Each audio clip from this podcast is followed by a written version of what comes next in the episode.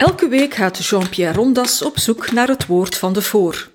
Hij analyseert het woordgebruik van journalisten, politici en opiniemakers, wikt en weegt hun woorden en ontmaskert bedrog. Moet de wolf zelf zijn terrein afzeiken? Dat vraag ik me dus af, beste luisteraar. Op deze belangrijke vraag heb ik zelfs een antwoord klaar. Maar om dit antwoord ook plausibel te krijgen, moet ik eerst een fragmentje uit Homeros Ilias citeren, waar in de zestiende zang de krijgers van de snelvoetige Achilleus vergeleken worden met wolven. Zoals bij hem gebruikelijk vergeet Homeros dan even die krijgers om zich elf verzen lang helemaal te verliezen in de gedragingen van een roedel verscheurende wolvenbeesten. Hier gaan we. Zij waren net als wolven die rauw vlees verslinden met een hart dat overloopt van een verschrikkelijke grote vechtlust. Zij doden in de bergen een groot hert met hoornen, en nu vreten zij het op, hun wangen alle dieprood van het bloed. In horde gaan zij dan met smalle tongen het oppervlak van donker water slurpen, dat duister uit een bron stroomt, en ze spuwen er bloed uit van de moord. Hun pens zit vol, een onverschrokken hart huist in hun borst. Zo repten de bevelhebbers en de leiders der Myrmidonen zich rond de voorname vriend van Achilleus met de snelle voeten. Einde citaat. Zoals die wolven waren dus die Helleense krijgers voor Troje. Zo had Homeros ook de Griekse wolven geobserveerd. En evenzo is men drie millennia lang het naturel van de wolf blijven observeren. De wolfshonger van de wolf Isengrim in de Reinaard en bij Louis Paul Boon, dat is een honger waarvoor hij, Isengrim, alles veil heeft, die hem fataal wordt en hem finaal achterlaat als een verhakkelde vieze vod met gaten. Dat de wolf het lam van Jean de La Fontaine vreet, is geen sprookje. Of het geitje van Monsieur Séguin, of het roodkapje van Charles Perrault, dat kwam ook voor. Veel demonisering kwam daar niet aan te pas, te meer omdat niet alleen mensen met wolven vergeleken werden, geldwolven bijvoorbeeld, maar veel vaker nog wolven mensachtige trekken toebedeeld kregen, zoals in de fabels van Aesopus. Veel sprookjesachtigs is daar even min aan. De wolf is ook echt een boze wolf, een niet te temmen beest. Wat eraan getemd kon worden, werd na tienduizend jaar hond. De rest is en blijft wolf. Het moderne en actueel zeer gevaarlijke sprookje van de wolf is ongeveer twintig jaar oud. Tenminste, als je abstractie maakt van de paradijselijke visioenen van de profeet Isaïas, waar in een Hebreeuws Arcadië de wolf met het lam zal verkeren en de luipaard bij de geitenbok zal nederliggen. Maar na deze oud-testamentische profeet moet men wachten tot de dag van vandaag, vooraleer men mensen vindt die deze eindverwachting reeds op aarde tot werkelijkheid proberen te maken.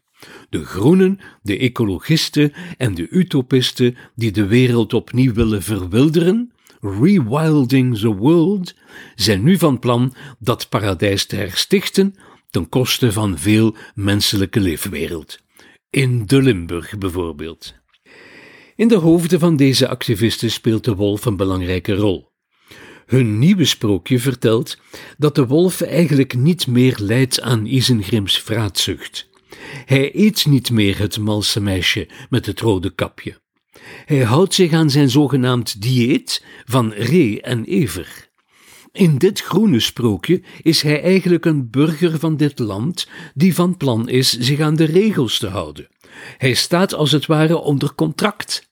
Maar omdat de auteurs van dit verhaaltje ook wel moeten toegeven dat het in des wolven aard ligt om allerlei reële en figuurlijke grenzen te overschrijden, heeft men de wolvenpopulatie semantisch opgedeeld in enerzijds gewone, braaf burgerlijke wolven en anderzijds probleemwolven. Probleemwolven bijten en vreten, maar dan op abnormale wijze. Hen wordt zowaar hondsdolheid aangevreven. Burgerwolven bijten en vreten ook, maar dan op normale wijze, nog steeds volgens het sprookje. Een wolf die een vette vaars reduceert tot de restanten van honderd koteletten, zo'n wolf is een gewone wolf en die moet je dus met rust laten.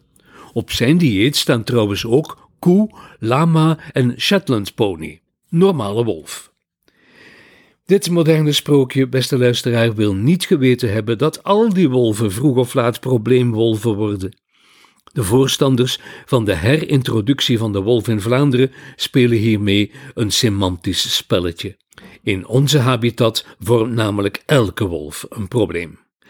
Ik heb nooit ergens een steekhoudend argument mogen lezen waarom een verscheurend wild dier in dit land zomaar los mag rondlopen. De aangevoerde argumenten pro-wolf zijn eerder mysterieus.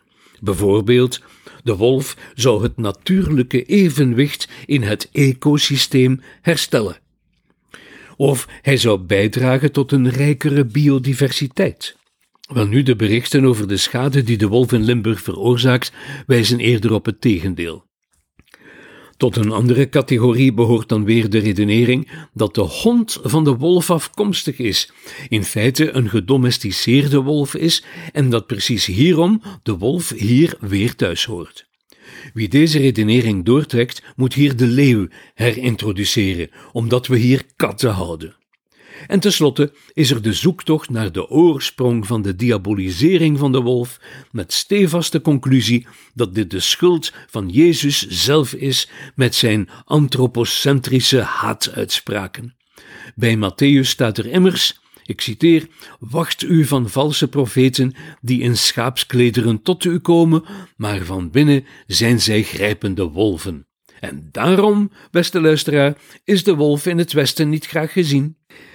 Van zodra deze argumenten allemaal een natuurlijke dood gestorven zijn, worden de wolvenamateurs persoonlijk tegen hun tegenstanders.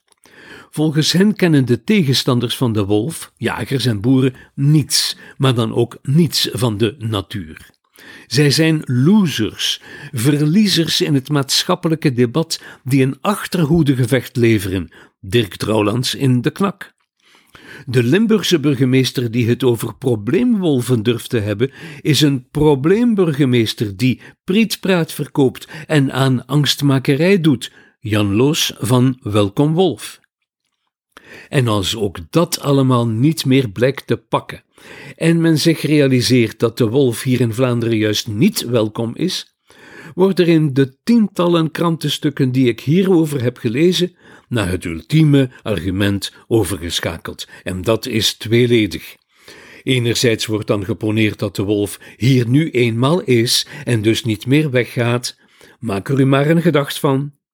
Anderzijds monden deze artikelen vaak uit op een dreiging met straf. De wolf ook maar iets in de weg leggen is strafbaar. Wie er een probeert te mollen, staan boetes en gevangenisstraf te wachten. Het Europees Hof voor de Rechten van de Wolf heeft al dus beslist.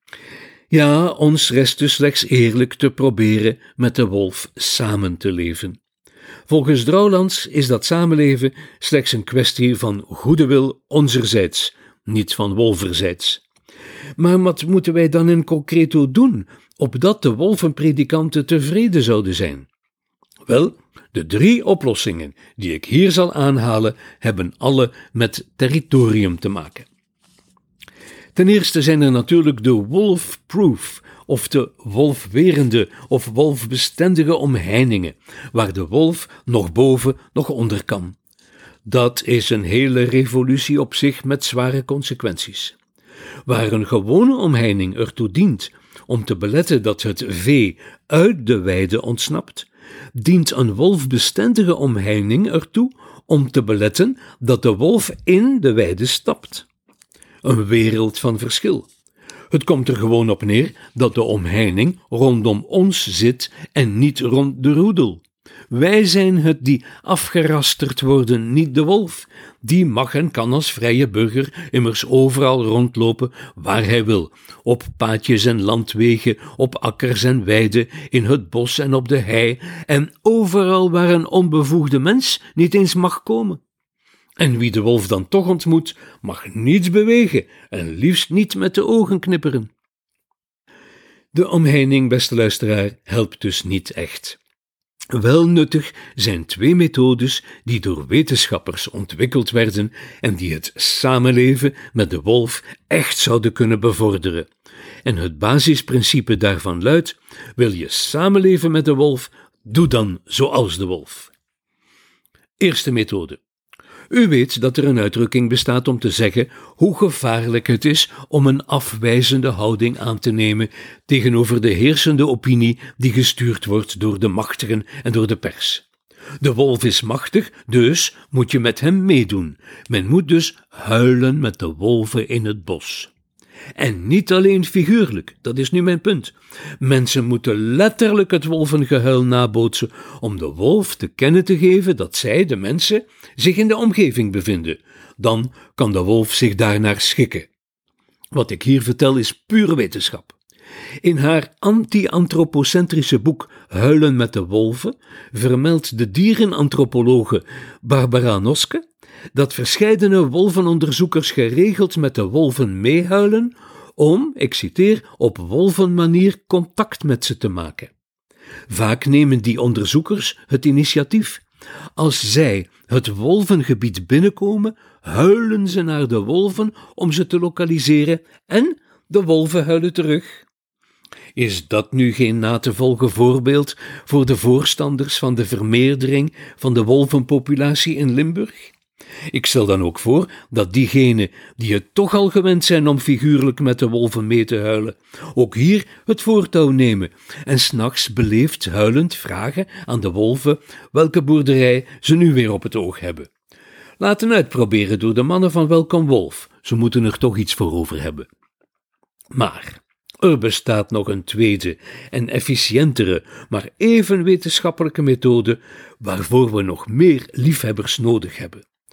De talrijke dierenfilosofen die stukjes schrijven voor de kwaliteitskranten kunnen hier hun beste beentje voorzetten.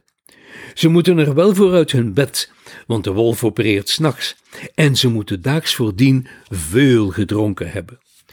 Diezelfde Barbara Noske in dat boek Huilen met de Wolven leert namelijk uit een studie Never Cry Wolf van een zekere Farley Mowat, 1963, hoe deze auteur op het lumineuze idee is gekomen om zijn eigen terrein s'nachts af te bakenen of te markeren op wolvenmanier, namelijk met zijn urine.